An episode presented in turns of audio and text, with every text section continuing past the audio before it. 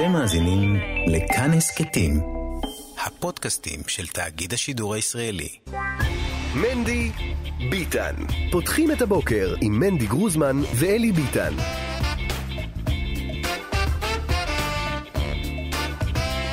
בוקר אה, טוב, בוקר טוב, שלום לכם, בוקר יום שלישי בשבוע, שלום לכם, אתם על מני ביטן כאן מורשת. שמונה וארבע דקות עכשיו, שלושים ושמונה שניות בדיוק. אה, אתם על מני ביטן כאן מורשת, זה כבר אמרנו, לי קוראים מנדי גרוזמן, היום אני כאן איתכם אה, במשך כל השעתיים אה, הקרובות. טוב, דבר ראשון, בשורות טובות. למי שלא הספיק אה, להתעדכן אתמול, ככל הנראה, נמצא מתווה אה, שיאפשר גם לדגל התורה הליטאית וגם לאגודת ישראל החסידית לרוץ יחד. הו, כמה מפתיע. Uh, האמת היא, צריך לומר, שאתמול כבר באיזשהו שלב, ואתם בטח גם שמעתם את זה גם uh, כאן uh, בבוקר, מי שהאזין אתמול, כבר התחלתי לחשוב שיש סיכוי רציני שהם ירוצו בנפרד, אבל uh, הנה, בסופו של דבר, uh, קרה מה שציפו לו מלכתחילה, שהפתרון נמצא, והם רצים יחד, זה עוד לא חתום, זה עוד לא סופי, אנחנו כבר נלמד על הפתרון, uh, שאפשר uh, לשני הצדדים. אה, להרגיש שהם קיבלו קצת, וקצת לא קיבלו. אה, אבל יש, יש פתרון על השולחן, וככל הנראה הם יחתמו עליו. אנחנו אה, כבר אה, נהיה על זה עם אה, כל אה, הפרטים הללו. טוב, אה, גם חבר הכנסת משה ארבל מש"ס יהיה איתנו, גם חבר הכנסת שמחה רוטמן מהציונות הדתית יהיו איתנו. ובשעה הבאה, אגב, אנחנו אה, אה, נעסוק אה, אה, בנושאים של החיים עצמם. ביניהם למשל, זינוק במספר בני הנוער שלוקחים נוגדני דיכאון וחרדה. איך הגענו לזה? והאם יש דרך אחרת? או שנוגדני הדיכאון הם כורח המציאות, אנחנו נדבר על זה. נדבר על ספר חדש שנכתב על הרב עדין אבן ישראל שטיינזל, זכר צדיק לברכה. נדבר על יריד תעסוקה ענק לחרדים שהתקיים היום. נדבר גם על ההבטחה של נתניהו לג' ליהדות התורה להשוות את תקצוב החינוך החרדי אה, לחינוך אה, הממלכתי. זה לא בדיוק להשוות, אבל אנחנו נעמיק בזה עוד מעט, וכמובן גם על הביקורת הרבה שהופנתה ומופנית כלפי אה, נתניהו החל מפרסום ההבטחה הזו שלו אתמול. גם פינת האוכל תהיה איתנו, גם פינת צפון דרום תהיה איתנו, הרבה הרבה עניינים. נתנאל ינובר הוא העורך, עירה וקסלר על ההפקה, דרור רוטשטיין על הביצוע הטכני. אה, סיוע בעריכה גיא מחבוש, שיר אבל כיכר, אתם מוזמנים מאוד לסמס לנו ל-055-966-3991, 055-966-3991.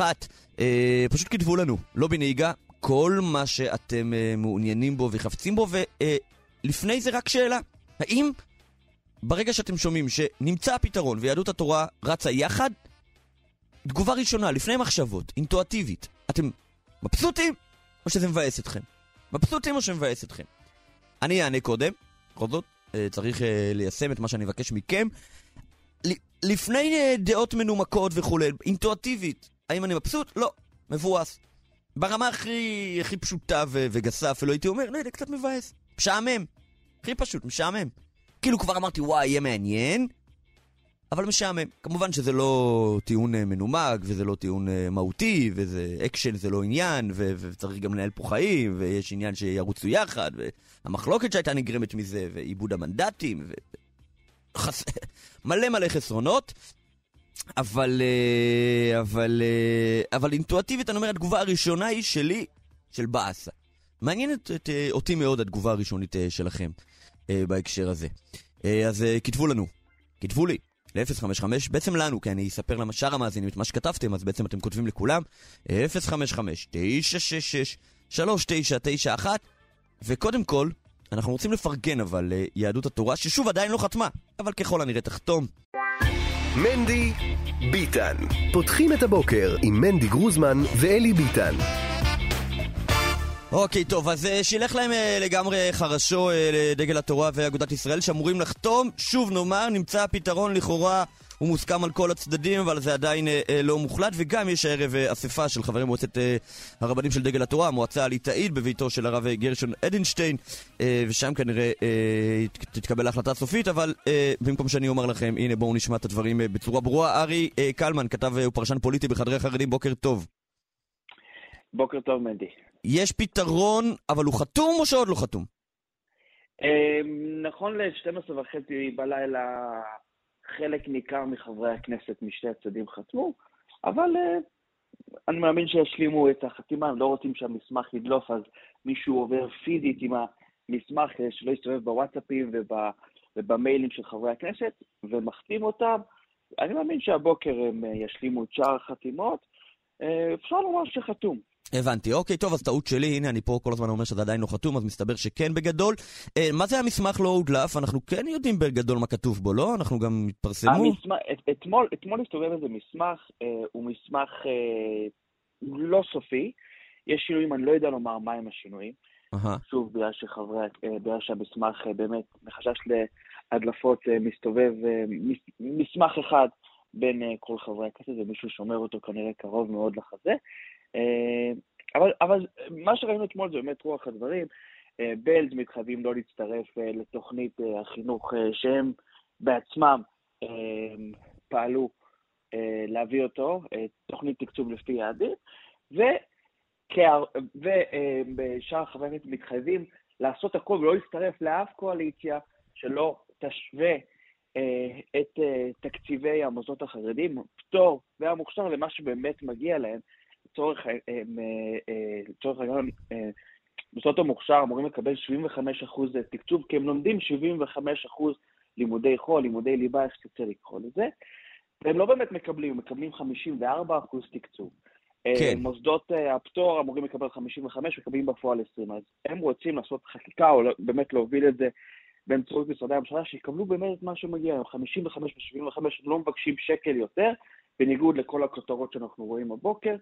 ואם לא, אז אה, אה, שים לב לזה, אה, דגל התורה כערבות, אם לא יצליחו להביא את התקצוב הזה, כולם בטוחים, כיוון שזה איום להצטרפות הממשלה, אז בטוח ישיגו את התקציב, אבל אם לא יצליחו להשיג את התקציב ובכל זאת יהיה 61, אז כערבות, דגל, דגל התורה, יוצאי בית הרב אדלשטיין, שגם חתומים על, על המסמך הזה, מתחייבים שיצרפו מוסדות מאחד הערים, שזה לא בני ברק ולא ירושלים, לחינוך העצמאי. נזכיר שכל, שכל הסאגה הזאת, כל המריבה, כל התדרוכים ההדדיים וכל, ה, וכל, ה, וכל הקרבות שראינו בתוך, בתוך הרחוב החרדי בחודשים האחרונים הגיע בגלל צוואה שאי אפשר לצרף מוסדות לחינוך העצמאי, אבל ראינו ברגע האמת שהחשש מאחוז החסימה והפיצול אה, ככה נמצא על הצוואר גם של דגל התורה וגם של אגודת ישראל. כן. מצאו כן פתרון שאולי אם היו מוצאים את הפתרון הזה לפני חודש, היה נחסך המון המון... אה, כן, ואז לא היה לנו מה לדבר, אז חבל. תקשיב רגע, אז טוב שהם אה, עשו את זה, בסדר. אבל, אבל כן, אה, אה, אה, אה, עדיין כמה דברים חסרים לי. דבר ראשון, מה יקרה אה, לא אם יהיה 61 ולא יצליחו להשוות את התקציב, אלא אם לא יהיה 61, והחרדים ילכו לאופוזיציה. אז אם לא יהיה 61, אה, אה, לפי ההסכם לכאורה, כל אחד יעשה מה שהוא רוצה, כי אין, אין פה מחויבות. מה זה? אה, אה, דגל התורה לא יכולים להתחייב במקרה שאין, אין- אין- שאין 61. לא, הם הם לא יכולים להתחייב, כי הם יכולים לומר שאם אין 61, אז אנחנו מצרפים אתכם לחינוך העצמאי. אז לא.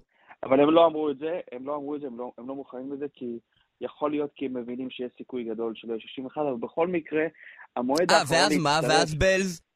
כן, ואז כאילו... בלז תצ- לכאורה יכלו להצטרף לתוכנית החינוך, אבל רגע, אבל, המועד- אבל אם לא יהיה 61, סיכוי גדול שיהיה עוד בחירות. ואז הם שוב לא נרוץ יחד. אז אני אענה לך. קודם כל, קודם כל, אה, אה, יש המון המון קולות בתוך אה, יהדות התורה, בשני הצדדים שאומרים, הבנו, אנחנו באמת לא יכולים, אנחנו באמת לא מתאימים לרוץ יחד, אפילו לא כבלוק טכני, אבל הבעיה שיש את אחוז החסימה. אם לא היה את אחוז החסימה, היינו מתמודדים בנפרד. אז קודם כל, אולי יהיה זמן להוריד את אחוז החסימה ולהתמודד בנפרד, ואולי באמת זה יעלה את הקולות, אולי זה יביא 61 בבחירות השישיות. זה דבר אחד. דבר שני, סוכם שלא יצטרפו לתוכנית החינוך בתשפ"ד. בלז חתמו על זה. תשפ"ד? תשפ"ג. אה, אה, אה, עד תשפ"ד. הבנתי. בעצם... לא, ברור, אבל שנת, צריך לזכור גם, שנת הלימודים תשפ"ג כבר התחילה. לא נכון, יודע אם נכון, אפשר נכון. באמת להצטרף באמצע שנה. anyway, מדובר אז, על אה, אז אני אענה תשפ"ד. לך, אני אענה לך אה, עוד, אה, עוד פרט. המועד האחרון להצטרף לתוכנית החינוך הזו של משרד החינוך זה ערב ראש השנה. אהה. ערב ראש השנה לא מי, תגיד לי, ארי קלמן, גם מי שהולך להצטרף למתווה החינוך, איזה יהודי ערב ראש השונה, שרק מחפשים זכויות, דווקא אז הוא יצטרף למתווה החינוך. אתה יודע, יעשה את זה אולי בטייבס, בככה באיזה י"ז חשבון, אה, י"ז כיסלב, לא, ערב ראש השונה, באמת. אתה רואה מה זה? אתה רואה מה זה? אתה יודע, כולנו מדברים לו שנור לפעמים, כן, אבל בערב ראש השונה אנחנו משתדלים שלא, אז גם מי שמצטרף למתווה החינוך, אף אחד לא יעשה את זה בערב ראש השונה בכל זאת, כן, בבקשה. זה היה אקט אה, קומי, כן, תמשיך. חבל, חבל שלא היית שותף למשא ומתן, כי יכול- יכלת לפתור המון המון... אה, כן. אוקיי, אוקיי, אז, אז anyway, אה, ערב ראש השנה, אז בעצם עד ערב ראש השנה, אז ממילא אם, אם, אם, לא, אם, אם לא יצטרפו עד אז, אז, אז זה לא יעזור, כאילו, נכון. יש שנה... עד פ"ד. בעצם, בעצם ההסכם הזה זה לא, באמת, זה לא באמת פתרון אמיתי לשורש הבעיה, זה לדחוק את הבעיה כמו שהמפלגות החרדיות הכי טובות בזה, הם דוחקים את הבעיה למועד לא ידוע, ושיבוא, הם אה, ידחקו אותה שוב. טוב, כבר, כבר, כבר נגיד על זה מילה, אבל אה, על שורש הבעיה, אבל אה, אה, עוד פרט אחד שחסר לי, מה זאת אומרת, הם לא יצליחו להשוות, מה זאת אומרת להכניס דווקא מוסדות לא מבני ברק ובירושלים? למה? כי כאילו בני ברק וירושלים זה כאילו מיינסטרים, אז אותם אנחנו לא מכניסים לחינוך העצמאי? אני לא, אני לא יודע מה עומד מאחורי זה, אבל אה, יש, יש איזושהי הסכמה ש, שיבחרו את אה, המוסדות הכי גדול, הכי, המוסד הכי גדול של בלד, אם אני לא טועה, אה, זה באשדוד, ואת זה כנראה כן יכניסו. מבחינת בלד הם יכולים להציג את זה כהישג, כי... אה, או, כן. או, רגע, רגע, זאת השאלה הבאה. מי ניצח? מי כופף אף את מי אחד לא פה? ניצח. אף אחד לא ניצח, מי שהפסיד זה אנחנו הבוחרים של? יהדות התורה, כי, כי בסוף זה, הנושא הזה, אם כן יהיה חינוך עצמאי, אם כן יהיה, זה יהיה עניין בערך 45 איש. אמ, יש המון אה, אה, אה, אנשים שחושבים שהתוכנית של בלז היא טובה, ויש כאלה שחושבים שהיה צריך להכניס את החינוך- העצמאי, ובסוף אף אחד לא הרגיש את זה. יש דברים יותר חשובים שהמצביעי יהדות התורה רוצים שהח"כים יטפלו, שהח"כים היו יושבים לגבש תוכניות, לגבש אה, אה, אה, באמת הצעות חוק לקראת, ה, לקראת הממשלה הבאה, שבאמת יעבדו עבור הבוחרים, ובאמת אה, אין, אי אפשר לקבוע מי המנצח, האם זה בלד, האם זה, אז יופי, זה אז זה טוב. אז זה טוב. אם אה, שני הצדדים, זה- זה- זה זה לכאורה הסכם פשרה, אתה יודע. זה לכאורה הסכם פשרה, וכן, זה, זה קרה, זה נחתם רק כאשר דגל התורה גם, אה, גם הסכימו להתפשר עם, עם אה, עם הערבות הזאת, כן? יצטרפו. כן, הם, הם לא עשו את זה במשך אה, ימים ארוכים. הם בין- בעצם אומרים, במידה ולא נצליח, בוא נגיד את זה פשוט, הם בעצם אומרים, במידה ולא נצליח להשוות את תקציבי החינוך הח- אה, המוכשר, הפטור, אה, ל- ל- להשוות את זה, אה, אה, לעדכן את הת- התקציב, שיקבלו את מה שבאמת מגיע להם, אה, אז אנחנו הולכים להפר אה, צבא של הרב שטיינמן. זה מה שמדבר. אבל הם, אומרים את זה, כן, כן, אבל הם מסבירים שזה רק ערבות. מה זה ערבות? אבל אני לא- לא מבין, מה זה ערבות? ערבות זה. אני לא מבין, זה ערבות שהם לא מתכננים לקיים? אני מנסה להבין את הפלפול הליטאי הזה. מה זה, אני לא מבין, מה זה רק ערבות? עכשיו נכנס פה ל- ל- ל- ל- באמת פלפול מה פלפול? זה לא. פלפול, אחי, אני לא מבין. האם אפשר לתת ערבות על משהו שלא קיים, כן או לא? אבל בוא, נשמה, זה גם לא כזה מופרך שהם לא יצליחו. משרד אתמול- האוצר מאוד לך, אתמול מתנגד. כששאלתי את אנשי גפני, כאילו, הרי יש צבא, אז איך הסכמתם? ואם הסכמתם, למה לא הצליחו? אז הוא אמר, אנחנו לא, זה לא באמת שאנחנו מכניסים אותם ל- ל- ל- ל- לחינוך העצמאי, זה רק ערבות ואנחנו... מה זה רק ערבות? מה זה רק ערבות? אני לא מבין. שמע, אה, אה, אה, מישהו לווה מיאנקל אה, 300 אלף שקל, הוא בא אליי ואומר, אתה יכול לחתום ערבות? אז... אה, אני ו- לא חושב שאפשר לתת ערבות למשהו שלא קיים, אז לכן אני מסכים מה לא איתך. קיים? אבל זה אני- קיים, זה יכול נכון, לקרות. נכון, אני אומר לך, לכן אם, אם בלז הסכימו, בלז לא אנשים טיפשים, הם הסכימו כן. לחתום על זה, אז כנראה שהם יודעים שזה קיים, אבל שוב, הם אומרים דבר כזה, הרי גפני, שידוע כמי שעומד במילה שלו, התחייב שלא יצטרף לשום קואליציה שלא תטפל בנושא, אז אם לא נצטרך לממש את זה, כי בטוח יהיה תקציב, כי, כי בטוח ביבי רוצה ממשלה. זה, תשמע, זה לומדס של פונוביץ' שעסוק, גם בסוגיה הפוליטית הם עושים לומדס, כי בסוף אלול והכל צריך... זה לא, לא עומדס, אחי, זה פלפולי סרק, מה זה הדבר הזה? אני לא מבין. עברית פשוטה. אתה מתחיל לומר שפונוביץ' עושים פלפולי סרק. לא, לא פונוביץ', חזרת לזה, אני אומר, הפלפול הזה, הפוליטי, הספציפי, זה פלפולי סרק. פונוביץ' מתעסקים בנת ברנט, בעניינים רציניים. תגיד רגע, רגע, רגע, רגע, רגע, אני רוצה עוד אותך עניין להבין אותך, אה, שאני קצת לא מבין את זה בימים האחרונים, מה פשוט הצוואה של רב שטיינמן, אתה יודע, אפשר להגיד, זה נכתב כצוואה, הוא אמר את זה לפני פטירתו באיזה מעמד אה, יציאת הנשמה, זה לכאורה, אם אני מבין נכון, זו הוראה של הרב שטיינמן, זו הוראה שהוא ראה בתקופה ההיא. אה, איך הפכו את זה, אתה יודע, שאתה שם על, על, על, על הוראה של רב שנפטר את, את הטייטל צוואה, זה מקבל נופך אחר. עכשיו, אם זו הוראה...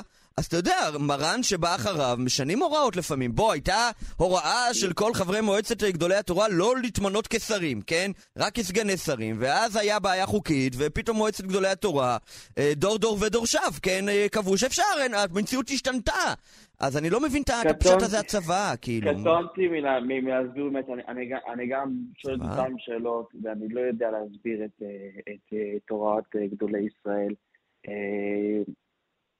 אבל גם, כן, גם, גם אם יש צבא, אנחנו אה, במציאות אחרת, ובכלל, שזה איים על פיצול, אני חושב, אה, שוב, אני לא פה כדי אה, להטיף, אה, להביא רעיונות לגדולי ישראל, אבל אה, זה באמת, זה באמת שאלה. כן, שאלה מעניינת. טוב, אה, עוד שאלה בהקשר הזה, טוב, זה עניין אחר. תגיד אתה דיברת מקודם על שורש הבעיה, ואתה יודע, זה לא בינינו, כן? בוא, בוא נשים את הדברים על השולחן. זה לא עכשיו שהרבי מבלז... לא, זה לא שאלה אליך, אני מפטפט איתך, כן? אתה לא כן. הדובר שלהם. אה, אבל בכל זאת, אתה בוגר ישיבות, אתה מעבר להיותך אתה כתב, אתה גם חי את השטח וכולי. אה, סתם אני אומר, זה לא שעכשיו שבלז באמת הפכו להיות איזה נושא דגל המודרניות, והם כולם רוצים ליבה, הם הגיעו לאיזשהו הסדר בגלל בעיה תקציבית. אתה יודע, זה לא אף אחד מה... יותר מזה. אז כאילו, להגיד. שורש הבעיה, הם לא יכולים לרוץ ביחד, כי כבר התפיסות עולם שונות. אפשר לחשוב, נו מה, בחייך.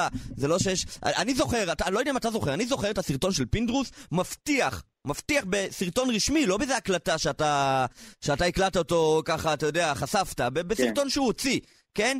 אה, אחד מהסבב ראשון או שני, אני לא זוכר, אה, הוא הוציא ואומר, אני פונה לציבור החרדים העובדים ואומר, אנחנו נקים לכם מוסדות ייעודיים לכם, עם לימודי ליבה, אה, לא ממ"ח כמובן, אבל אנחנו נפנה גם אליכם. כאילו, דגל התורה מבטיחה, מה, מה, בוא, אז... אז הם אומרים, לא, אבל זה לא למיינסטרים, זה, בסדר, זה פלפולים כבר, אני לא רואה פה איזה מהלך...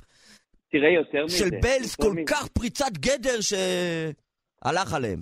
קודם כל, קודם כל צריך לומר שמי שקרא את התוכנית, וזה באמת שוב מפתיע, שאנחנו רואים את הכותרות של ידיעות ושל הארץ הבוקר, הם, התוכנית, בתוכנית הלימודים הזו של משרד, ה, אותה משרד החינוך, תקצוב לפי יעדים, זה בדיוק מה שלומדים בחינוך העצמאי. אה, רק כמות, לעשות את זה יותר שעות, פחות שעות, ולפי זה לקבל את התקציב. אבל יותר מזה, דגל התורה, זו באמת שאלה, איך הם יכולים לומר, גם אנחנו לא מכניסים אותם לחינוך העצמאי, וגם אנחנו נקבע לכם איך כן לעשות, איך לא לעשות, עזוב את זה שיש, שיש בסוף מנהיג, מנהיג לחסידות בזה, וזה לא איזה, איזה עסקן שעשה את זה, זה משהו כן. שאנחנו יודעים שעבר כל צעד וצעד, עבר את, את, את, את הגורמים הרוחניים, את, את בן האדמו"ר, את האדמו"ר, אבל דגל התורה אומרים בעצם, אני לא מצרף אתכם, בסדר, כן. אז, אז אנחנו יכולים אולי להבין את השלוטים היום, כועסים, אבל, אבל זכותכם. אתם לא יכולים להגיד לנו גם מה לא לעשות, מה כן לעשות. אנחנו צריכים כן. להישאר, אנחנו צריכים להישאר אה, אה, בלי תקציבים, עם, עם, עם מחנכים שלא מקבלים משכורת ואז פחות משקיעים בתלמידים שלנו בגלל, בגלל שאתם החלטתם שגם אסור לנו להצטרף וגם אנחנו לא יכולים להצטרף לחינוך העצמאי. תראה, mm-hmm. בסוף, כשאתה הולך ברחוב, גם ברחוב, גם בציבור הליטאי, לא הבינו כל כך את, את, את, את מה שקרה פה בשבועות מעניין. טוב, ממש במילה, כי אנחנו חייבים לסיים. אה, מה עומד להיות היום בערב אה, בכינוס מועצת גדולי התורה הליטאים? זה יותר, זה יותר, זה יותר דיון, אה, דיון סמלי לאשר את הרשימה. לאשר. אני לא חושב ש, שגפני צריך להיות בלחץ, הוא יישאר במקום ראשון, מקלב במקום שני, וכן הלאה. היה איזה דיבור, אולי יזיזו את מקום חמש וישימו המועמד הספרדי, אולי את מנחם שפירא, שיותר מזוהה עם הבית שם. בסוף uh, החליטו לא לעשות uh, תזוזות כמו, ש, נוהגים לעשות אה, כן. בדגל התורה, אה, ואנחנו לא מבינים. שינויים, אנחנו נראה אותם מגישים את הרשימה אולי אפילו ביום רביעי מוקדם, אולי זה יהיה נס. לא זה את מגישים, ב- לא מגישים ביחד עם אה, אגודת ישראל, עם יהדות, כן, עם אגודת ישראל? יגישו, יגישו. יגישו יחד. אתמול אישרו באגודת ישראל את את את השמות. שלהם, יפה. והיום... אה, כן. טוב, ארי קלמן, כתב ופרשן פוליטי בחדרי חרדים, יישר כוח עצום, תודה. תודה לך. מנדי ביטן. מני ביטן אה, כאן מורשת, איתנו חבר הכנסת משה ארבל, ש"ס, שלום, בוקר טוב. בוקר טוב לכם ולמאזינים. Uh, טוב, נתחיל דבר ראשון uh, מהעניין uh, uh, כרונולוגית האחרון, uh, רק uh, ניתן uh, תקציר ככה טיפה למאזינים. Uh, השרה מרב מיכאלי הובילה החלטת uh, ממשלה לפיה תוקם uh, רשויות מרחביות מקומיות uh, לתחבורה. במילים פשוטות היא רוצה להעביר את ההחלטה. האם אה, ניתן יהיה אה, להפעיל תחבורה ציבורית אה, בשבת לרשות המקומית, וכך רשות מקומית אחת תחליט שכן, ורשות מקומית אחת שתחליט שלא, וזה לא החלטה ברמת אה, המדינה והממשלה. אתה פנית אה, אה, ליועצת המשפטית אה, לממשלה נגד ההחלטה הזאת. דבר ראשון, עם טענה פורמלית, זו ממשלת מעבר, אין לה סמכות, אם תוכל להרחיב. אה, כן, הנחיית היועץ המשפטי לממשלה אה, מקדמת דנא היא שבזמן ממשלת מעבר, שבמהות שלה היא ממשלה שאין לה בעצם רוב, אה, אה, תמיכה של רוב העם שמיוצג על ידי הכנסת, אז אה, הפעולות, כדי שהמדינה תוכל להמשיך ולהתקיים בזמן ממשלת המעבר, רק פעולות נדרשות בריסון ובאיפוק מרבי, הן הפעולות שמותר לממשלה בעצם לבצע בזמן ממשלת מעבר כשאין לה תמיכה של הכנסת. אממה, שבמקרה הזה מדובר כאן ברפורמה משמעותית, שהיא גם מרחיקת לכת, גם חלקה מחויבת תיקוני חקיקה בכלל, שלזה אין בכלל כנסת. ולכן אה, אה, פניתי ליועץ המשפטי לממשלה ודרשתי אה, למה? הבהרות הכנסת בנושא יש, הזה. הכנסת נבחרה. לא, אבל הכנסת לא תומכת בממשלה, זאת אומרת רוב הכנסת נגד הממשלה. אז הם לא הצליחו, שיצאנו. הם לא הצליחו להעביר את החקיקה, אתה אומר. נכון, נכון, נכון. אבל אה, על פניו בעצם החלטת הממשלה ככלי אה, אה, לייצר אה, איזשהו קמפיין פוליטי או קמפיין בחירות ולהשתמש בממשלה לטובת הדבר הזה הוא גם לא לגיטימי. רגע, רגע, אז אתה דבר- אומר, anyway, עם התערבות של היועמ"שית ובלי התערבות של היועמ"שית, ההחלטה הזאת לא יכולה להיות ממומשת. חלקים בהחלטה, חלקים בהחלטה הם בסמכות השרה, חלקים אה, אה, מצומצמים בהחלטה הם בסמכות השרה בתקנות ולא בחקיקה, ועל החלקים האלה אה, דרשתי מהיועצת המשפטית לממשלה לא לאפשר לקדם אותם בזמן ממשלת מעבר בגלל הסיבה הזו, שהם. אה, רוב בעצם, ועל החלקים של חקיקה בוודאי שהם לא יכלו להתקדם. אהה. ול, ולחלקים של התקנות שלה יש איזשהו ביטוי מעשי, אם זה רק זה, אם אכן היא תעשה את זה? אה, היא עדיין לא ביצעה אותם. אה, הייעוץ המשפטי למשרד המשפטים, בכירים בייעוץ המשפטי הבהירו לי שיש באמת, מעורר קושי, הפנייה שלי בהחלט מעוררת קושי משפטי. והם בוחנים את זה בימים האלה, אני ביקשתי לקבל את המענה בכתב. היה ונצטרך, אני מקווה שלא, אה, נדע גם לפנות אה, לערכאות המתאימות כדי הבנתי. לעצור טוב, את בוא נגיד את האמת, אה, אני מניח שמרב מיכאלי צפתה את זה, והיא לא באמת חשבה שזה יגיע לידי מימוש, אבל היא היא... גם לא באמת חשבה לקדם רפורמה, אבל זה היא נקטה- קמפיין היא טוב. נקטה- נקטה כן. פה עמדה, לא, זה. קמפיין, היא נקטה פה עמדה, כאילו, אמרה, אם ניבחר... בסדר, אבל היא הייתה שנה שלמה בממשלה ללא חרדים. היא לא עשתה כלום ושום דבר מלבד לטפל בטמפרטורת המזגנים ברכבות. כן. עם כל הכבוד. כן, טוב, אה, אוקיי. אגב, אתה, אתה מרגיש אה, אה, שמשרד המשפטים או היועמ"שית, היועצים המשפטיים באופן כללי, יותר רכים עם הממשלה הזאת, עם אה, תקנות הממשלת המעבר, מאשר עם ממשלת נתניהו לא רק? בממשלת מעבר, גם בממשלה אה, עצמה. זאת אומרת, במהלך אה, כהונת הממשלה, היועצת המשפטית למשל של המשרד לשירותי דת, אה, היא לא פעלה כשומר סף, אני אומר את זה בכאב גדול. היא אה, פשוט אפשרה לשר לשירותי דת לבצע את כל העולה על רוחו ללא שום מגבלות. אה, אם, אם ניקח אה, מטאפורה, אז החותמת שלה הייתה בעצם בלשכת השר. כל מה, שהוא, כל מה שהוא רצה אה, יכל לחתום בשמה, והכל עבר ללא שום מגבלה וללא שום בקרה. כן, חד משמעית, הייעוץ המשפטי, לשמחתי אני גם ביצעתי מעקב והצפתי בכתב את העוולות הללו, כדי שלי כשנחזור לשלטון נבקש הסברים מה ההבדל ולמה יש... והיועצת המשפטית לממשלה, גלי בהרב מיארה, גם היא אה, לדעתך נוקטת באיפה ואיפה? למרות שהיא לא הייתה אה, היועצת המשפטית של נתניהו. אין- אפשרות, אין אפשרות אה, לבדוק, כן. בדיוק, לבדוק לעומת ממשלות קודמות. ואדרבה, אני חושב שייעוץ משפטי שמאפשר לממשלה לעבוד זה דבר מבורך. רק צריך לשמר את זה, שזה יהיה קוהרנטי ביחס לכל הממשלות, ולא לממשלה כזו או לממשלה אחרת. מעניין. טוב, אוקיי, עכשיו אני רוצה לדבר איתך רגע, אה, לא על הטענה הפורמלית, שזאת ממשלת עבר, לרגע באמת על, ה, על, ה, על עצם הרעיון. עכשיו, אתה צריך לקדום ולומר, אנחנו בתחנה דתית חרדית, שני הצדדים לשיחה, חלק גדול מהמאזינים, כולנו, ברוך השם, אה, שומרי שבת כהלכתה. אה, ותמיד צריך להדר יותר, אפשר כלי שני, לעשות גם כלי שלישי, תמיד יש מה, מה להתקדם ולהיזהר בבורר בסלט, לפעמים פה ושם אה, מפספסים, אבל בגדול, ברוך השם, שומרים שבת והולכים לבית כנסת ועושים קידוש והכל. אה, אז, אז, אז השבת פה לא עומדת לדיון כמובן. מה שעומד לדיון זה הדרך איך אנחנו מנהלים את המדינה ו, ומה אנחנו מאפשרים לאנשים להחליט ומה לא. ומה, שמע, באמת, לכאורה, כן, אני צריך להיות זהיר במילים, כן, אבל, אבל אני, אני באמת אומר, מה לכאורה?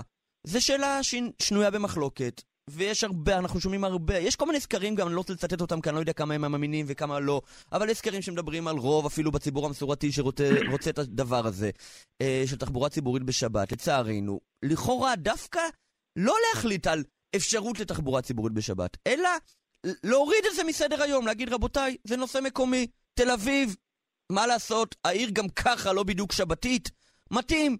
אה, אולי אה, דימונה פחות מתאים, בני ברק כמובן לא מתאים. לכאורה זה פתרון לא כל כך רע. אה, ראשית, אני לא אדבר על הנושא הסוציאלי שעלול להביא אותם למצב שבו אם אנשים רוצים להתקבל למקום עבודה, הם לא יתקבלו הם לא מתחייבים לעבוד בשבת. אה, זכורים לנו הסיפורים מאמריקה בשנות ה-20. אני לא אדבר על זה. אני כן אדבר על העובדה שבמדינת היהודים היחידה בעולם, יש כאן מאבק עיקש. אגב, הוא, הוא לא בהכרח מאבק הלכתי. יכול להיות שאם באמת נברר את העניין אל מול פוסקי ההלכה, יש כאן אפילו צמצום אה, בכמות הרכבים שמחיילים שבת אל מול אה, אה, רכב אחד. אה, יכול להיות שיש כאן שיקולים הלכתיים כאלה או אחרים. המאבק הוא לא הלכתי, המאבק הוא על צביון מדינת היהודים, כאשר ישנם כוחות איתנים שנאבקים כאן על מדינה דמוקרטית בלבד ולא יהודית, ולרבות מאבקים על מדינת כל אזרחיה, ויש כאן באמת מחנה שלם שנאבק על זהותה היהודית של המדינה, והפרהסיה של השבת הוא בין היתר זהותה היהודית של המדינה, ולא, אנחנו לא מתביישים, אנחנו אומרים את זה, אנחנו גאים לומר שאנחנו נאבקים על זהותה היהודית של המדינה ועל הפרהסיה של השבת שלה. אה, ודווקא עכשיו, שאנחנו אה, ערב בחירות, הבוחר יבחר, אם מתאים לו באמת אה, הערכים הללו, אז באמת הוא במחנה המחנה האמוני, ואם פחות מתאים לו, אז הוא אמור למצוא את עצמו במחנות האחרים. אבל אה, כן, אנחנו חלק מהזהות היהודית של המדינה, הוא, הוא, הוא הזכות שלנו, לטעמנו בכל אופן, לחיות כאן, אה, אה, אה, ואם לאו אנחנו... אה, אה אז הנה, הזכות לחיות כאן קיימת. אבל אם יש, אבל אתה יודע, חלק גדול מדהים, חיים את היהודים, הרי הכבישים סוענים ויש מוניות שירות נכון, ויש רכבים לא- ויש הכל. לא- אנחנו לא נכנסים לפרט. אז זהו, מי, למה אוטובוס של חברה פרטית היא, לא פרט? כי, זה בדיוק הנקודה, אוטובוס של חברה ציבורית בסופו של דבר, שים לב, גם יש חברות פרטיות שרשות מקומיות מפעילות, וגם זה, לצערנו הרב וכאב גדול, לא נעצר. המאבק הוא בעצם על חברות ציבוריות שמתוקצבות מכספי המיסים שלי ושלך ושל כולנו. שהן חברות בעצם שהתחבורה הציבורית היא מסובסדת, מסובסדת בסובסידיה ממשלתית בצורה מאוד משמעותית. והאם אנחנו רוצים בעצם, כמדינה יהודית, אה, לקדש את יום השבת, בקדושה שלו, היהודית, ההיסטורית, או שאנחנו בעצם אה, אה, מבקשים לקדם כאן מחיקה של זהויות על בסיס בעצם הרצון של פלורליזם או מדינת כל אזרחיה או נימוקים פרוגרסיביים כאלה או אחרים. לא, לא, לא, לא פרוגרסיביים, זה לא קשור לפרוגרסיביות, בוא, בוא, בוא לא נרחיק לכת. זה, זה, זה טענות שנשמעו בשנות ה-60, אנשים אומרים מדינה יהודית כן, אבל זו מדינה יהודית הרי זה לא מדינה דתית, אין מה לעשות. זו מדינה יהודית. אז בן גוריון, שלא היה אדם דתי, השכיל להבין את זה. בסדר, בן גוריון הוא לא ראש ממשלה היום. נכון, אבל אנחנו חלק מחברי הכנסת, בתקווה שגם נהיה חלק מהממשלה. ואנחנו באים לציבור ואומרים לו בדיוק מה אנחנו אה, רוצים ומתכוונים לקדם. אה, העם הוא הריבון, העם ירצה את העמדות שלנו, אה, יאפשר לנו להיות רוב, העם לא רוצה את העמדות שלנו, יבטבנו החוצה. אנחנו לא מסתתרים מאחורי סיסמאות וגם לא מאחורי ערכים חשובים של סוציאליזם. אנחנו אומרים, כן, אנחנו רוצים מדינה יהודית, אנחנו נאבקים למען הדבר הזה, ואנחנו מקווים שגם הציבור יבין את החשיבות של הסוגיה הזאת. יפה, אתה אומר זאת עמדתי, ועם רוב, אז במילא, אם אנחנו נצליח, במילא זה אומר שרוב הציבור אה, מעוניין בזה. טוב, בוא נדבר, תקשיב, אני, אני מזהה איזשהו דפוס בקמפיין הבחירות, עכשיו אני הופך אותך רגע לפרשן פרסום. אני מזהה דפוס קבוע, אתה יודע, ולאחרונה היה לנו אי אילו מערכות בחירות, כן, כדי, כדי לשים לב לאיזשהו דפוס חוזר. אני שם לב ככה, תמיד כשמתחיל קמפיין בחירות, דבר ראשון, ש"ס, הראשונה שיוצאת בקמפיין, זאת אומרת, עד שכל המפלגות עוד מתחילות לזוז, נקודה לזכותכם, מהראשונים שכבר יוצאים עם קמפיין, עם סיסמאות וזה, זה עניין אחד. אה, ועניין שני זה שתמיד בשלב הראשון של הקמפיין, נגיד בהתחלה, עוד לפני סגירת הרשימות, ש"ס הולכת מאוד מאוד מאוד מאוד על העניין הכלכלי, על הדגל החברתי שלה נאמר, וככל שמתקרבים למערכת הבחירות, בוא נגיד בטח בחודש האחרון, אה, הולכים על הדגל הזהותי, הדתי, הדתי, הרב עובדיה והשירי סליחות והדברים האלה. זה, זה משהו שאני רואה, זה התחיל בזמנו עם השקופים, ואז לאט לאט עברו לשוב אבא, אבא מסתכל מלמעלה וכולי. אתה, מה, מה, זה, מה, מה זה הדבר הזה? אה, בתפיסת עולמי בכל אופן, אה, האישית, המאבק על יוקר המחיה והמאבק על האפשרות של אנשים לחיות בכבוד הוא מאבק על אה, היותה של המדינה מדינה יהודית. ובשם, אה, אה, כמובן, שזה גם חופף הרבה מאוד פעמים לערכים סוציאליים כאלו או אחרים, אבל המאבק במהותו הוא מאבק של קיום מצווה דאורייתא וחי אחיך עמך, כי תראה ערום וכיסיתו ומסכל תתעלם. אתה אומר זה לא שני דגלים, זה אותו דגל. ובמהות זה דגלים שהם משלימים אחד את השני, הם דגלים יהודיים, מהדמעות של מרן הרב עובדיה כשישב שבעה על בנו. כן, על, על המצב הכלכלי, הם אה, בלתי נשכחות. אני חושב שכשנתניהו הגיע אז אה, לנחם, כן, לדעתי. כן, וה, וה, וה, והמאבק הוא מאבק יהודי. בסופו של דבר, כיהודים, אנחנו צריכים לדאוג לחלש, לרעב ולמסכן. ואני באמת מצטער, אני אומר את זה באמת, אה, למרות שאולי זה לא תואם את דפי המסרים של הקמפיין, אבל אני מצטער מאוד על העובדה שש"ס היא המפלגה החברתית היחידה. אני באמת הייתי מצפה שהדגלים האלה היו מורמים אל על על ידי מפלגות נוספות. אה, ואף אחד לא מדבר על זה. זאת אומרת, גם מפלגות שהן במהותן ובדגליהן אה, סוציאליות לא מדברות לא על יוקר המחיה ולא על אה, הדברים הבסיסיים ביותר האלה, ו, וזה כאב גדול. כן, טוב, עכשיו אתם מאוד רצים עם, ה, עם הקמפיין הדגים והחכות. כי אחת הטענות המסורתיות, נאמר כמעט, נגד ש"ס, היא שמתעסקת הרבה בדגים ולא בחכות. והשאלה היא, מה ש"ס עשתה בעבר בתחום החכות? אה, העובדה, סליחה, שאנחנו אה, בסופו של דבר ביצענו אה, מהלכים מרחיקי לכת. השר דרעי כשר הפנים הזיז את הגבינה, מה שנקרא, להרבה מאוד רשויות מקומיות חזקות, והעביר באופן מערכתי כספים של ארנונה עסקית, תעשייתית, על ידי ועדות גיאוגרפיות שהוקמו לראשונה על ידו, מרשויות חזקות לרשויות חלשות, אלה דברים שבסופו של דבר הם תהליכיים, הם לא דברים שקורים מהיום להיום, אבל הם מחוללים שינוי לטווח הארוך. ברגע שההשקעה בחינוך, בריאות ורווחה תהיה אה, השקעה גדולה יותר עבור החלשים, והשקעה מופחתת, השקעה ממשלתית מופחתת אה, עבור החזקים, אלה תהליכים שבסופו של דבר, תהליכים דיפרנציאליים, שמביאים אותנו בסופו של דבר לאותו שינוי שאליו אנחנו מקווים. אה, תראה, בסוף בסוף, אלה המפתחות, בריאות, חינוך ורווחה בצורה טובה יותר. השכלה ותעסוקה. נכון. חינוך אמרת. אני אומר, בד בבד, אה, אה, הקמת רשות ממשלתית למאבק בעוני, זו הבטחת בחירות שאנחנו נעמוד עליה. זו חקיקה שהיא בעצם אימות של דוח אלאלוף, שאני אומר, שר הרווחה הנוכחי, מאיר כהן, הקים את הוועדה הזו בעבר, אה, בפעם הקודמת שכיהן כשר רווחה, ולא אימץ את המלצותיה.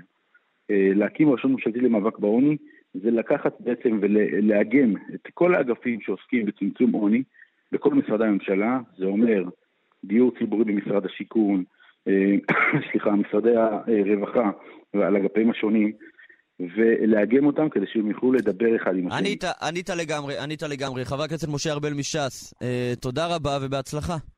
תודה רבה, שלום שלום. מנדי ביטן.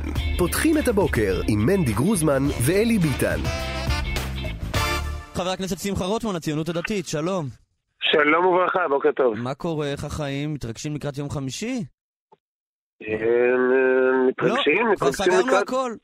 אנחנו כן, א', אנחנו כבר אה, די סגורים, אבל אה, מעבר לזה, אה, אנחנו מתרגשים לקראת הראשון בנובמבר, ז' במר חשוון, צריך לדאוג שכמה שיותר אנשים יצאו להצביע, כדי שאנחנו נוכל להחליף את השלטון. כן. טוב, מה עם נועם? למה בסוף הם לא איתכם? מה, מה נסגר עם זה? האמת היא שאני לא יודע, אני יודע שבהסכם בינינו לבין עוצמה הושאר להם מקום, אני חושב שאם הם ירצו אז הם יוכלו להיכנס לשם, אבל זה, אני לא, לא עוסק במשא ומתן מולם. אה, הבנתי, אוקיי. עכשיו, אתם, משהו מאוד מוזר, אתם קוראים לאיילת שקד אה, אה, לא לרוץ, כי אה, על פי הסקרים לא עובר את אחוז החסימה, ודי לבזבז קולות וכולי. אה, ומצד שני, נועם גם אה, עושים קולות של מישהו שהולך לרוץ, וגם הם על פי הסקרים לא עוברים את אחוז החסימה, ואנחנו לא שומעים מילה מכם אליהם. מה ההבדל? גם, גם אני מוכן להבטיח לך שגם אם נועם תרוץ בסופו של דבר באופן עצמאי, הם ישמעו מאיתנו בדיוק את אותם דברים. אני מאוד מאוד מקווה שהם לא ירוצו באופן עצמאי. אבל אה, אם הם לקוות, אבל הם בינתיים עושים קמפיין ומערכת בחירות. אז לכן, לכן, לכן אני אומר, אם אה, מאחר ועם נועם אנחנו, אה, אה, כן, יש אה, דלת פתוחה ל, לאיחוד, אז אנחנו לא אה, צריכים להגיד להם אל תרוצו לבד ותפרשו מהמרוץ, אנחנו צריכים להגיד להם בואו אלינו, וזה מה שאנחנו אומרים. אה, עם שקד, מאחר ואנחנו אה, חלק, חלק משמעותי ממה שאנחנו כמפלגה וכרשימה, זה האמינות שלנו, והעובדה שאנחנו לא מחליפים את דעותינו לפי העצה של היועץ האסטרטגי חמש פעמים בשבוע.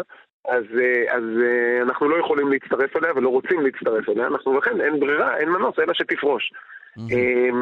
זה, אבל נועם אותו דבר, אני חייב לומר לך שאם אה, חס ושלום נועם יחליטו שהם בכל זאת רצים לבד כשברור לכולם שאין להם סיכוי לעבור את אחוז החסימה, גם להם אנחנו נגיד שלא יסכנו את המחנה הלאומי ולא ירוצו עצמאית.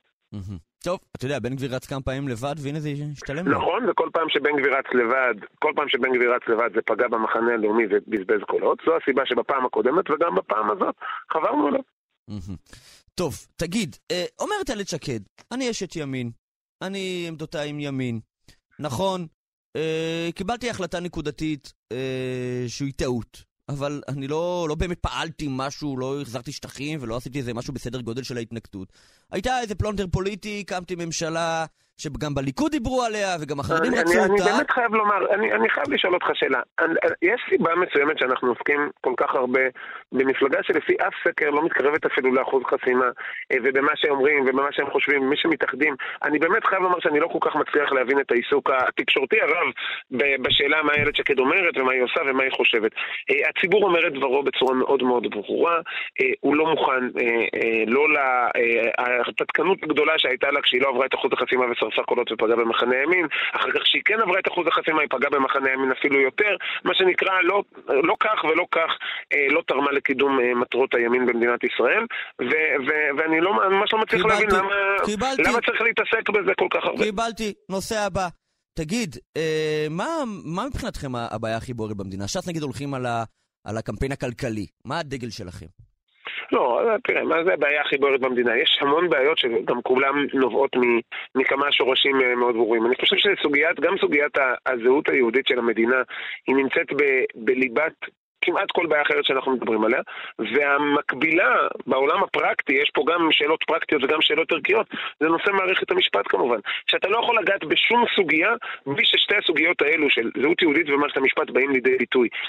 אתה רוצה לדבר על איך מדינת ישראל נלחמת באויבים שלה, אתה חושב, יש תפיסה מסוימת, אתה רוצה לנצח את הטרור, אתה נתקל במערכת המשפט ואתה נתקל בחולשת הדעת של אנשים שלא מבינים בכלל למה אנחנו פה.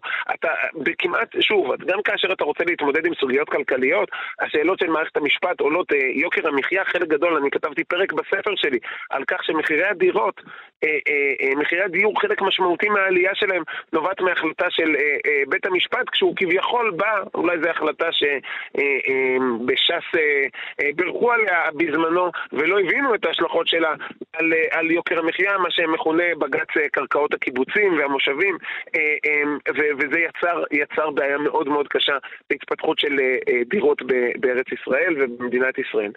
אה, כל סוגיה שאתה לא נוגע בה, נוגעת בסוגיות האלו, ומה שחייב לקרות במישור הפרקטי המיידי, כשתקום בעזרת השם ממשלת הימין, זה לטפל בסוגיות של מערכת המשפט. אני חושב שכל גרם של השקעה שהמערכת הפוליטית תשקיע במערכת המשפט יהיה יותר משמעותי מטונות של השפעה בתחומים אחרים, כי בסופו של דבר שם המפתח לכל. מעניין. תגיד, מה שצריך לעשות במערכת המשפט זה פשוט להכניס לשם יותר גורמים אה, שמזוהים עם הצד הימני, או גורמים שמזוהים עם זהות יהודית, או בכלל לצמצם את המעורבות שלה. א', צריך לצמצם את המעורבות שלה, בלי קשר לשאלה מי יושב שם, אה, מערכת המשפט היא לא מגיבה נכון לדעת הקהל, היא לא מגיבה נכון לרצון של הציבור, היא בסופו של דבר פועלת בסדר יום משלה, וזה טוב שכך. אנחנו לא רוצים שכל הליך פלילי או הליך אזרחי יוכרע בהצבעות אס.אם.אסים. אנחנו רוצים כן. לייצר איזשהו ניתוק כזה. רק מה, כשמה שטוב להליך הפלילי ומה שטוב להליך האזרחי, לא טוב כשמתערבים בפסילת חקיקה, ששם כן אנחנו רוצים את הפידבק מהציבור. זה לא טוב כש, כשרוצים להכריע בשאלה אה, האם, אה, האם אה, נצא למלחמה או מדיניות כלכלית, או בשאלות של חוץ וביטחון, שם אנחנו מאוד מאוד רוצים את המעורבות הפוליטית, זה המשמעות של הדמוקרטיה, וכאשר בית המשפט נכנס לשם, אז כל מה שהפך, מה שהיה יתרון עבורו במערכת הפלילית והאזרחית, הניתוק שלו מהשיח הפוליטי ומהבחירה הישירה וה, והעמידה כל כמה שנים או כל, כל כמה חודשים, כמו שנהוג כן. בישראל, לבחירת הציבור, זה הופך לחיסרון מאוד מאוד גדול, ולכן בית המשפט לא צריך להתעסק בזה.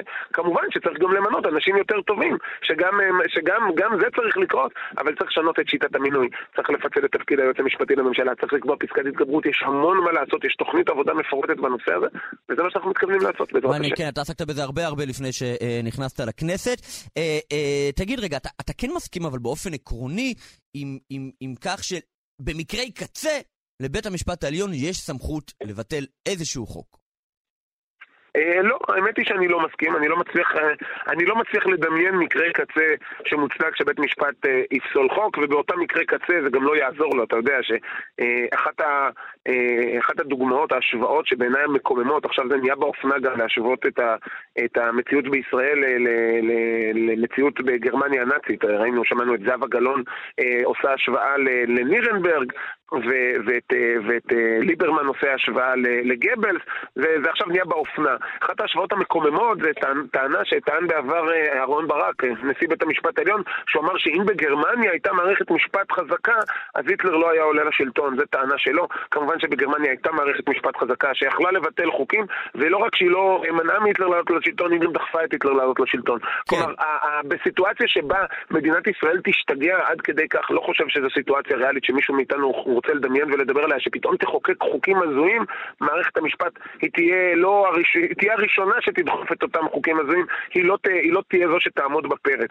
ולכן אני לא מזהה סיטואציה לא, שבה צריך את בית המשפט הבנתי. לצורך ביטול חוקים. אז תקשיב, רגע, רגע, זה חשוב מאוד לחדד, את הנקודה הזאת, כי במשך שנים מדברים על צמצום מעורבות מערכת המשפט, ועל העובדה שהרחיבו מאוד את, ה, את המהפכה השיפוטית וכולי וכולי, ופה בעצם אתה אומר נקודה הרבה יותר חשובה.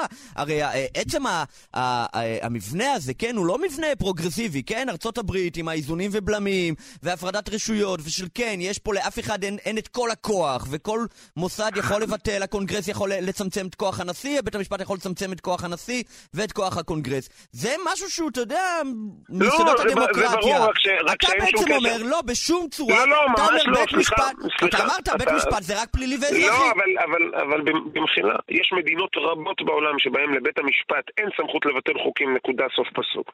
יש מדינות שבהן החוקה העניקה לו במפורש את הסמכות הזאת, ואז גם דרך הבחירה של השופטים היא פוליטית. אנחנו יודעים איך, ב, איך בארצות הברית נבחרים שופטים, נבחרים נטו על ידי הנשיא והסנאט, הם בכלל לא נבחרים על ידי אה, שופטים שממנים שופטים. וככה המצב ברוב מדינות העולם, השופטים נבחרים בהליך פוליטי. במדינת ישראל יש איזה אה, הליך ייחודי. השופטים ממונים באופן מקצועי, הם טוענים שהם כאילו אנשי מקצוע, אבל הם עוסקים בסוגיות פוליטיות. את האוקסימורון הזה אי אפשר, ולכן אני אומר, אני לא מתנגד עקרונית תיאורטית שאם תהיה חוקה שמעניקה את הסמכות לבית משפט מיוחד לענייני חוקה לבטל חוקים ובית המשפט הזה ייבחר באופן פוליטי אז אפשר יהיה לתת לו את האפשרות לבטל חוקים. זה לא, אנחנו לא דנים עכשיו בשיעור תיאורטי במדעי המדינה. אנחנו עוסקים במדינת ישראל, בסיטואציה שקיימת בישראל, בבית משפט שקיים בישראל שהבחירה שלו והמנגנון שלו הם, אה, הם מרחיקים מאוד את הציבור ממנו הוא מאבד את אמון הציבור כל הזמן בגלל שהוא עוסק בסוגיות פוליטיות.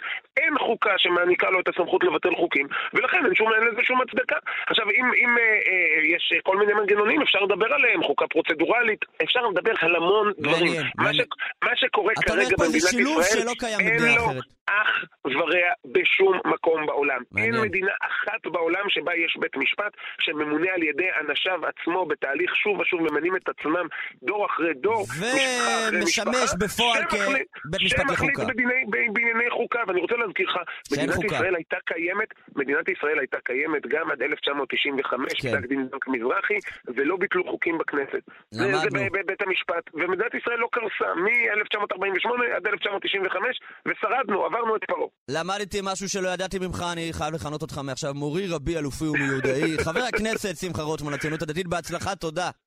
תודה רבה, להתראות. ביי להתראות. מנדי ביטן. תגידי מה יותר אה, מתוק אה, מדף גמרא. טוב, תשע אה, וכמעט שמונה עשרה דקות עכשיו אתם על מנדי ביטן כאן מורשת. תודה ששבתם אלינו. תראו, אנחנו שנתיים וחצי מפרוץ הקורונה, ומאז שפחות או יותר, לא לגמרי כמובן, הקורונה לאט לאט אה, שחררה את לפיתתה אה, מאיתנו, אנחנו רק עכשיו מתחילים לראות את ההשלכות אה, של הקורונה על חיינו, אה, וכנראה עוד את רובם אנחנו עדיין לא רואים בכלל. זה בכל זאת תופעה עולמית, סגר עולמי, דבר שלא קרה הרבה שנים, שאירוע בסדר גודל כזה, אה, לא ככה רואים את ההשפעות מיד, זה לא אירוע קטן, אלא דווקא אה, ל, אה, בטווח ארוך, והנה כבר מתחילים לדבר. אז הנה, אה, למשל, קטי דור, אה, כתבת הבריאות אה, של כאן, אה, מפרסמת אה, נתונים אה, מאוד מאוד מעניינים, יהיו שיאמרו גם מדאיגים, אה, על אה, השלכות שככל הנראה, ככל הנראה, נובעות אה, מהקורונה, ואנחנו מדברים על עלייה חדה. באשפוזים של בני נוער במחלקות אה, פסיכיאטריות, זה בצד אחד, וגם אנחנו מדברים על עלייה מאוד מאוד חדה אה, של שימוש של בני נוער, ילדים ובני נוער, בכדורים אה, פסיכיאטריים נוגדי חרדה אה, ודיכאון, משפחה שלמה של תרופות שנקראים אה, נוגדני אה, חרדה ודיכאון. אנחנו מדברים אה, בשימוש בכדורים, אנחנו מדברים על עלייה של 20%, עלייה מאוד מאוד משמעותי, אה, וקצת אה, לסבר את האוזן, אה, למשל אה, בכל הנוגע לעלייה באשפוזים, אנחנו מדברים אה, בקופת חולים מאוחדת עלייה של 14% של ילדים אה, ונוער. אה, אנחנו מדברים אה, בקופת חולים אה, מכבי, אנחנו אה, אה, רואים פה גידול של אה, 10%. אה, בשנת 2021, סליחה, שיעור העלייה הגיע ל-22%.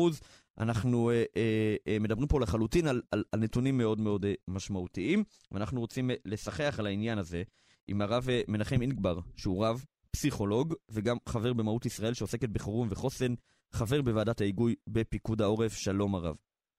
שלום וברכה, בוקר טוב. בוקר טוב, אנחנו ברדיו, והרבה פעמים כשאנחנו מציגים כאן דוקטור או מומחה, אז ישר המאזינים, אתה יודע, מדמיינים בראש, אנחנו לא רואים פה, כן? זה לא טלוויזיה, ברוך השם. מדמיינים בראש איזה חילוני או מקסימום אה, חובש כיפה סרוגה, אז רק נספר למאזינים, אתם יודעים, כיפה גדולה, עם שני פאות ככה ג'ינג'יות מסתלסלות, אה, עם וסט חסידי, אה, מה שנקרא. נו, אתה יודע. כי אומרים פסיכולוג, זה כזה נשמע, רק שידעו, שידעו עם מי מדברים. שידעו את מי הם שומעים. אה, ש- אוקיי. שידמיינו נכון. אה, ספר טיפה אולי קצת על עצמך, דבר ראשון, ככה לפני שאנחנו מתחילים לדבר. על עצמי? מבחינה אה, מקצועית כמובן, לא עכשיו... אה, אוקיי. אה, בפן האישי מקצועי, אני גדלתי בארצות הברית, אבי היה איש חינוך, ובשלב מסוים ראה שיש כל מיני בעיות מעבר לשדה החינוך, והלך ללמוד פסיכולוגיה, בהמשך נהיה דוקטור פרופסור לפסיכולוגיה. אני לא חשבתי להמשיך את דרכו, למדתי בכולל לרבנות, ובשלב מסוים אדמו"ר עמיגור אה, הקודם, אה, הפני מנחם, עוד לפני אותו היה ראש הישיבה, וביקש את עזרתי עם איזשהו נער שהתקשה, וכשהצלחתי, אמר לי, נו, ברק קרא דאבוע, נראה שיש לכם גנים פסיכולוגיים, ונתן לי אה, שליחות, או איגד אותי בשליחות, ואז אה, חזרתי לארצות הברית, והייתי תואר אה, ראשון ושני בפסיכולוגיה, השלמתי כאן, וכבר חלפו מאז אה, קרוב לשלושה, שלוש עשורים, כן, אני עוסק אה, בטיפול ועזרה לזולת. יפה. אוקיי, עכשיו, אה, דבר ראשון, הנתונים הללו זה נתונים שאנחנו נראה אותם גם אם נבחן אה, צעירי וצעירות המגזר אה, החרדי? זאת שאלה מאוד טובה, והאמת היא שכשפנו אליי, אני לא באמת הספקתי לבדוק מבחינה סטטיסטית. תחושתי היא שזה לא כך. ולא כי אני חושב שיש איזשהו אה, אה, כסף מיוחד, אני כן חושב שיש כסף מיוחד, אבל בקטע של אה, דיכאון, בזה שילדים או נערים אה, נמצאים בישיבות או בבית יעקב או בסמינר, אלא שאני חושב שהסדר היום, החשיבות אה, במסלול, ולחזור למסלול, הקווים הברורים של מה שכן ושלא, מאוד עוזרים לייצב את הבן אדם מבחינה נפשית. כולנו יודעים שלפעמים, גם כשאנחנו בדאון כזה או אחר, אותם דברים שאנחנו חייבים לעשות, אם זה עבודה, אם זה בית ספר, אנחנו עושים אותם, אלא אם כן שזה באמת עבר לאיזשהו שלב מאוד אה, מדאיג או קשה. אה, וככה אנחנו מצילים מאוד הרבה אנשים כאשר יש קווים אה, ברורים והתנהלויות מסוימות שאנחנו עושים, הן בחלק הפן החיצוני, המעשי, ההתנהגותי, וגם בפן הרעיוני, האמונתי, שמאוד עוזרים לאנשים לשלם, אבל למען הכנות, אני לא בדקתי מעניין. עכשיו, אתה לא יודע, אה. אה, מה שאתה אומר זה כמובן מעלה, אבל יכול להיות שזה עלייה וקוץ בה. יהיו שיאמרו שגם הדחיפות הזאת לחזור למסגרת גורמת לאנשים להדחיק דברים, להגיד אנחנו צריכים להיות כמו כולם בכל מחיר, אה, וגם העובדה שעדיין, עדיין, עדיין, עדיין, הליכה לטיפול, בטח לפסיכיאטר, היא עדיין משהו שלא נתפס טוב חברתית. נכון, נכון. אה, כמו כל דבר בעולם, אה, הממוצע או הצורך לשלם או להיות ער למציאות היא מאוד מאוד חשובה. אה, מי שמנסה או ניסה להדחיק, לא משנה אם זה הקורונה או כל בעיה אחר, אז ברור שיש עלייה בקוצפה כמו שאתה אומר, אבל כאשר מוכנים לדבר על משהו, להתייחס אליו, אבל בכל זאת להמשיך הלאה, אה, אני חושב שזה איזשהו מתכון די בריא. אה, מעניין. ושוב, השילוב של העשייה המעשית, המחשבה, האידיאולוגיה, אה, וכמובן חזרה לשגרה. כן. עכשיו זהו, עכשיו בואו נדבר על הנתונים אה, באופן כללי. אנחנו רואים נתונים, ואני רואה שכל הפרסומים תולים את זה בקורונה, זה פשוט כי זה הדבר הברור שקרה בשנים האחרונות, ולכאורה זה קשור, או שרואים שזה קשור, או אפילו נגיד צעירים שבאים ומספרים מה, מה גרם להם להגיע למצב הזה, מקשרים בין, בין הדברים. אוקיי, אז, אז שוב, אני, אני מדבר אמנם כאיש מקצוע, אבל לא, לא כמי שבדק... לא עשית מחקר לא, ספציפי על נכון, העניין לא הזה. עשיתי מחקר ספציפי על העניין הזה, וכמו שאתה שאלת, למען הכנות, בעבודה הפרטית שלי, אני לא ראיתי אה, שינוי משמעותי שאני הייתי רוצה לייחס לקורונה. אה, רק אה, עניין טכני, אם פרלמנט- תוכל טיפה לשפר את הקליטה, אולי אם אתה במרתף, או... אני אנסה, אני אנסה. שנייה, אולי בחוץ, אולי, אם אפשר. כן, אני אנסה. כן. אני אלך לעוד חדר, אולי זה יהיה יותר טוב. אוקיי, כן. חלום בסדר? בדרך כלל הוא הכי טוב, כן. כן, אוקיי. אז, אמ, אז מה שקורה זה ש... אתה שואל לגבי הקורונה, אם זה מיוחס לקורונה, או למה כן. לייחס את זה. כן. אני חושב שהקורונה עשתה משהו, אמ, עשתה משהו מאוד משמעותי בכלל העולם, כולל אצלנו, ובמיוחד אצל בני נוער. א', שפתאום הר- הראתה לכולם שהדברים שחשבנו שככה הם עובדים לא עובדים ככה, לא, אי אפשר לתכנן אפילו בשעתו אז, אפילו חתונה או כל אירוע חשוב אה, לחודש מעכשיו, לחודשיים מעכשיו, לא ידענו מה יהיה. כן. וזה זה בעצם הוציא לא רק את הילדים, אבל בעיקר המבוגרים והמובילים, המנהיגים, משלוות נפשם, מהיכולת אה, להוביל. שזה. בעצם מחליש את היכולת של צעירים וילדים אה, להרגיש נוח, להרגיש בטוחים.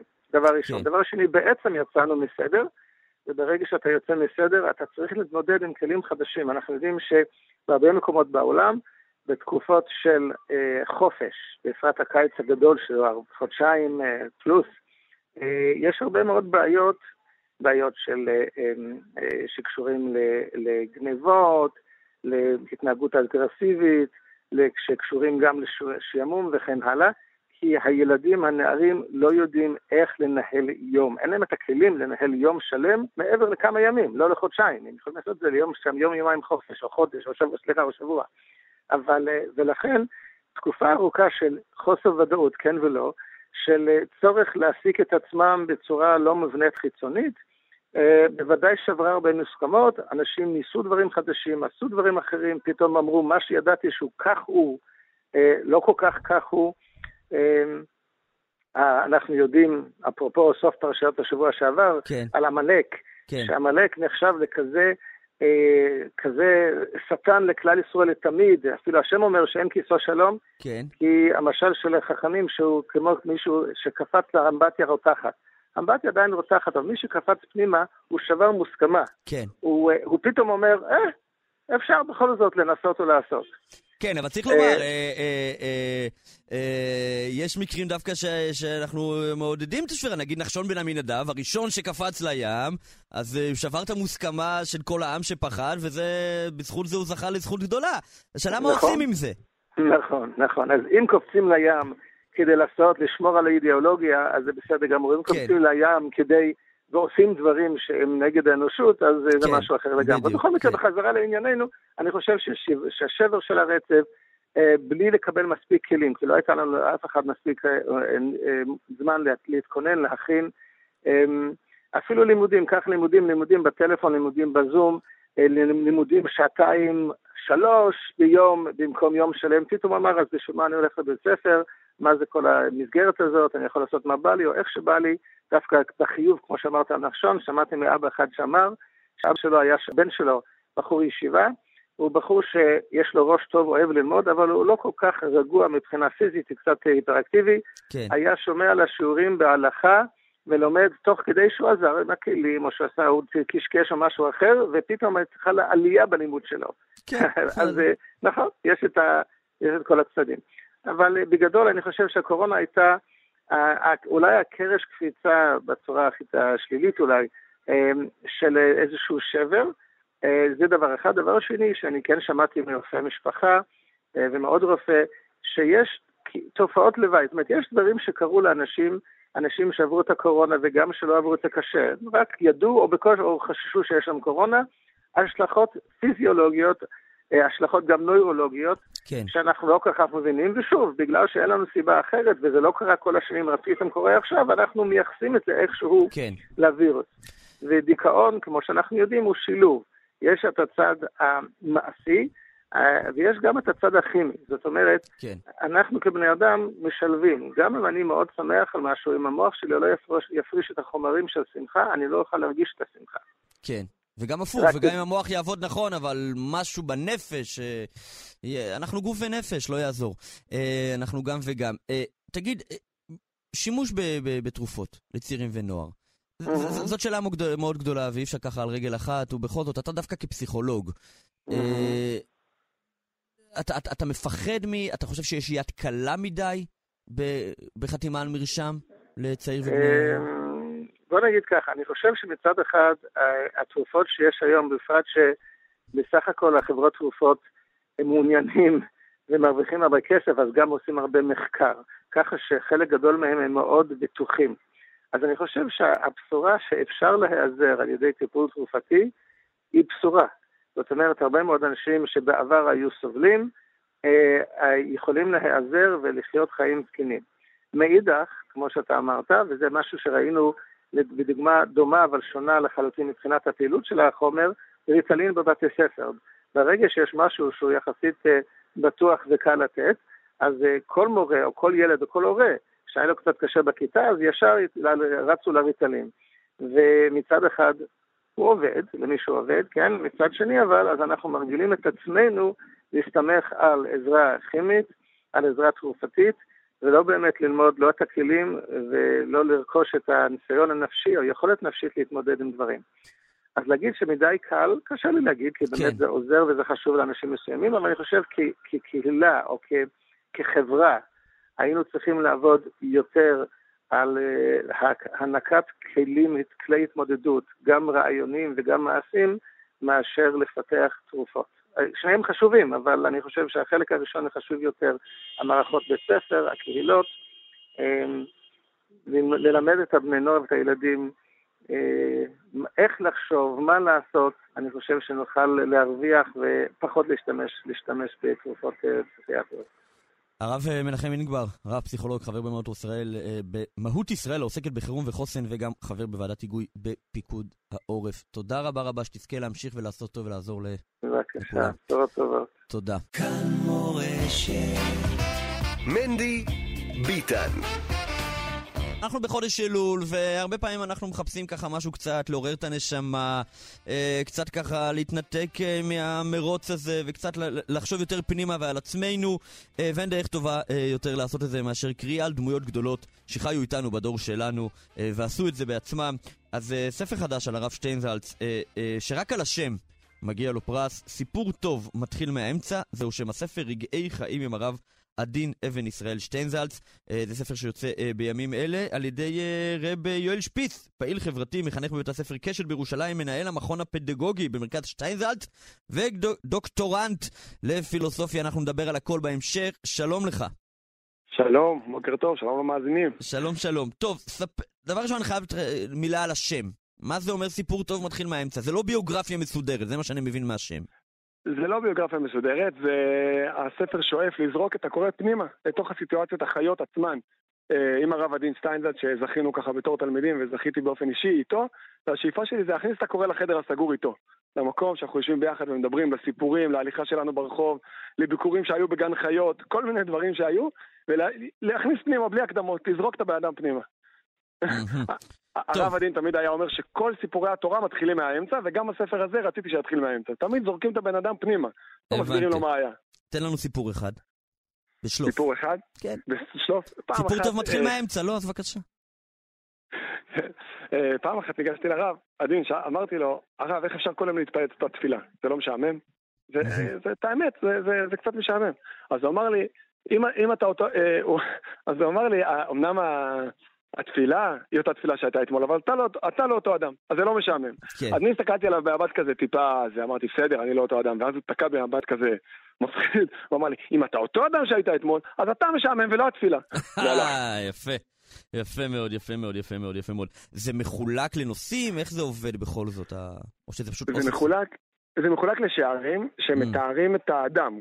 חלק אחד נגיד הוא כל אדם הוא גורד שחקים, ככה קראנו לפרק, וזה תיאורים של הרב הדין על הגדלות של האדם ועל היכולת של האדם ליצור קשר עם אלוהים, על האלוהות שבתוך האדם.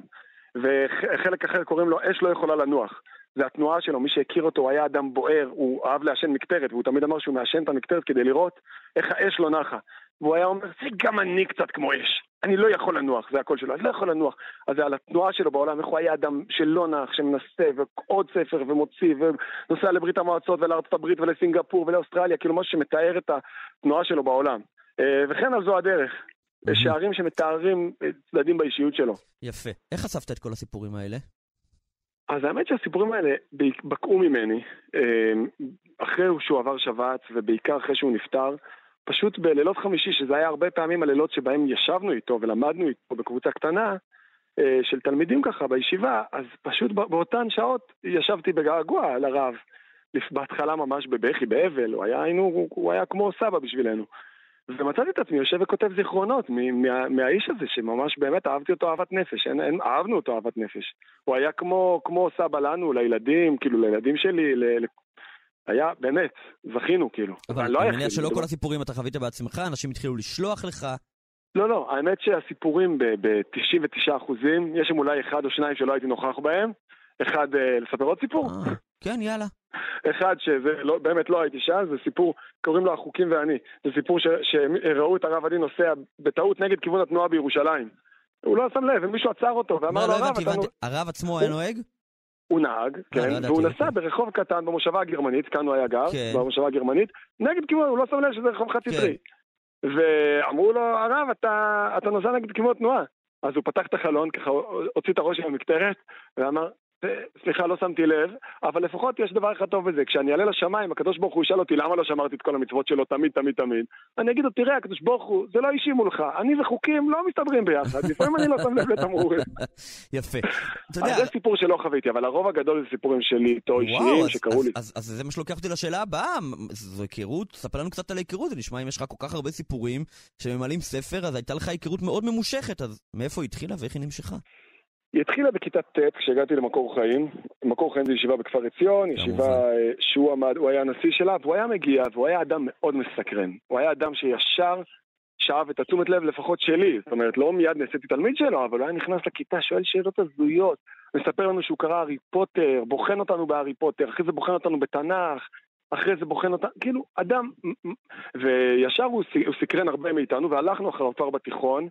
היינו נוסעים להיפגש איתו, כשנכנסתי לתנועת נוער להיות מדריך התייעצתי איתו, כשככה, לאורך כל הדרך.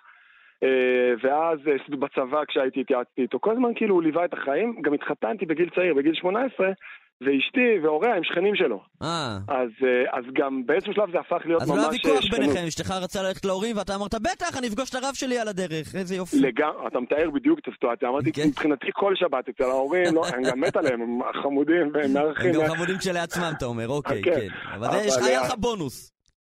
כן, בדיוק, ואז הייתי מדבר איתו בבית כנסת הרבה פעמים, בערב שבת, הוא היה כזה עומד שם והיינו מדברים, והרבה מהספר זה השיחות בערב שבת. יפה. עכשיו תקשיב, אה, בעצם אני מבין שזה סיפורים, בעצם אנחנו מדברים על הרבה על, על האמירות שלו, על, על החדות הלשון שלו, על האמירות השנונות. עכשיו זה מעניין, אתה יודע, הרב שטלזט, היה לו הגות מאוד נרחבת, והוא כתב בעצמו, ואני מניח שעוד יכ- יכתבו עליו. זה, זה מעניין הבחירה שלך להתמקד אה, דווקא בוורטים, מה שנקרא. נכון, כאילו, אני אגיד, אני אגיד לך, זה מה ש... זה, אני חושב שמכל מה שהוא כתב זה באמת היה הדבר שחסר. זאת אומרת, כשהוא כתב, הוא כתב באמת מאוד שיטתי, וכתיבה כן. גם יחסית ארוכה יש לו, כן. והיה בו משהו במפגש איתו שדווקא היה קצר, והוא היה כמו הרבי מקוצק, אני לא יודע מי מהמאזינים מכיר, אבל בטח כן. חלקים מכירים. בטח. אמירות קצרות ושנונות שמעיפות אותך ומסדרות לך את הראש בשנייה. הרבה פעמים אני אומר לך, 20 שניות, שאלתי אותו משהו ב-20 שניות, ויש שם בספר הרבה קטעים כאלה, 40 מילים, וואו. כי אתה אתה יודע, וזה לא נכתב בשום מקום. אז אני אמרתי לעצמי, נכון, החוויה של. לשמוע אותו, לא, אני לא זכיתי, אבל כן יצא לי לשמוע אותו בהתוועדויות, באירועים גדולים יותר. אפילו החוויה הזאת שלא של מפגש בין אישי, אלא לשמוע אותו מדבר, זו הייתה חוויה אחרת. הוא, אגב, הוא ידע מאוד לספר סיפור, מלא הומור, מלא ציניות, אבל עם מסר, לא סתם ציניות לשם ציניות. אני, לא, אני זוכר חוויה כילד, שהוא הגיע להתוועד בכפר חב"ד, והוא סיפר שם סיפור על, אה, אם יורשה לי, אה, גם אה, סיפור שהוא סיפר. אה, ש... לא, אני, אני פשוט זוכר את החוויה הזאת, הוא סיפר את זה, כולם צחקו, ממש ידע להחזיק את הקהל. הוא סיפר אה, על, אה, על, הוא אומר, היה רבי אחד בעיירה שהחליט פתאום, ש, ש, ש, הוא נתן הוראה לחסידים, שאסור, מותר רק פעם או פעמיים בשנה כל חסיד יכול להגיע אליו, לא יותר. אסור להגיע אליו ככה יותר לעיירה, לבית המדרש שלו. אמרו לו, למה? להפך, החסידים רוצים לראות אותך, ללמוד ממך וכולי. הוא אמר, תקשיבו, החסיד שנמצא אצלי פעם בשנה חושב שאני שרף מלאך אלוקים. חסיד שמגיע יותר, הוא חושב שאני רבי צדיק. אה, הוא אומר, ככה הולך, המזכירים שלי בלשכה חושבים שאני יהודי תלמיד חכם. אשתי חושבת שאני רשע גמור. הוא אומר, ככל שמכירים אותי יותר, רואים יותר את האמת, אז אני רוצה שהם יתרחקו. ואז הוא, אה, הוא נתן על זה מסר, אבל אני פשוט לא אשכח את זה. אפילו האמירות, אני זוכר שהביאו שם אורגן להתוועדות, והוא כזה זלזל בזה, הוא אומר, מה זה התוועדות חסידים? בואו ננגן אותנטי, מה, מביאים פה תזמורת. כל הזמן ככה זלזל, כאילו, היה לו... יפה, אתה אומר שאתה צד משמר את הבעל פה שלו. כן. האותנטיות שלו, זה היה לפעמים תחושה כאילו אתה פוגש את, כאילו, את, אה, באמת אחד מתלמידי הבעל שם טוב. גם אתה צודק, גם בקטע הזה של לנגן ניגונים. היינו יושבים, אנשים לא מכירים אותו מהספרים, אבל היינו יושבים איתו ושרים שעות. ניגונים חב"דיים עמוקים, ניגוני רוז'י, ניגוני פשיסחה.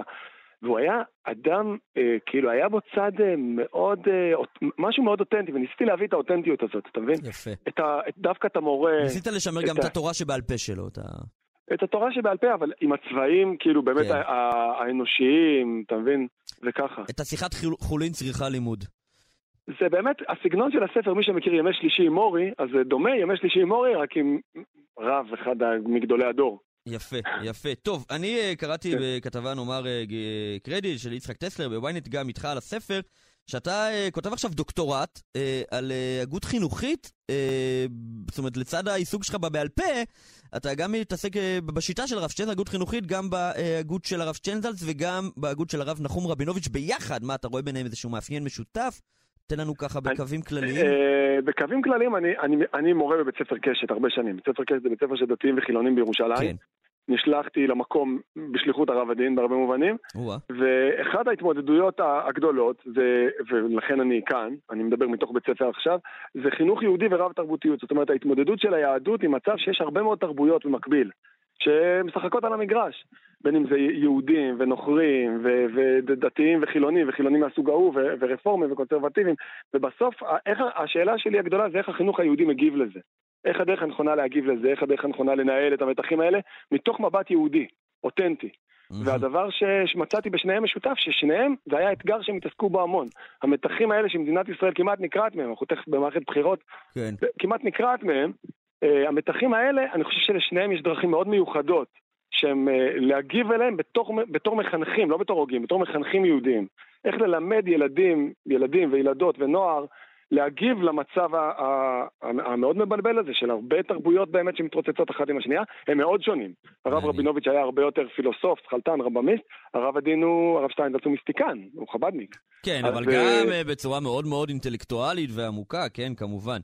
נכון, לא, ברור. הוא באמת, כאילו, הוא, הייתי קורא לזה ככה בשביל הזה, אולי מיסטיקן מודרני, אתה מבין? כן. זאת אומרת, הוא, הוא מצד אחד כאילו אדם שלגמרי חי בעולמות מיסטיים, מצד שני הוא מסביר את זה בצורה הכי הכי מודרנית, הכי בהירה, הכי נהירה. כן. שזה תמיד הקסים אותי בו.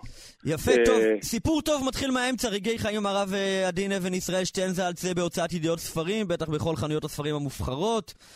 הרב יואל שפיץ, פעיל חברתי מחנך בית הספר קשת בירושלים, מנהל המכון הפדגוגי במרכז שטיינזלץ. תודה רבה רבה, ושיהיה בהצלחה עם הספר, ואנחנו מחכים לעוד. תודה. תודה לך, תודה למאזינים. שנה טובה. שנה טובה. אתם מאזינים לכאן הסכתים, הפודקאסטים של תאגיד השידור הישראלי.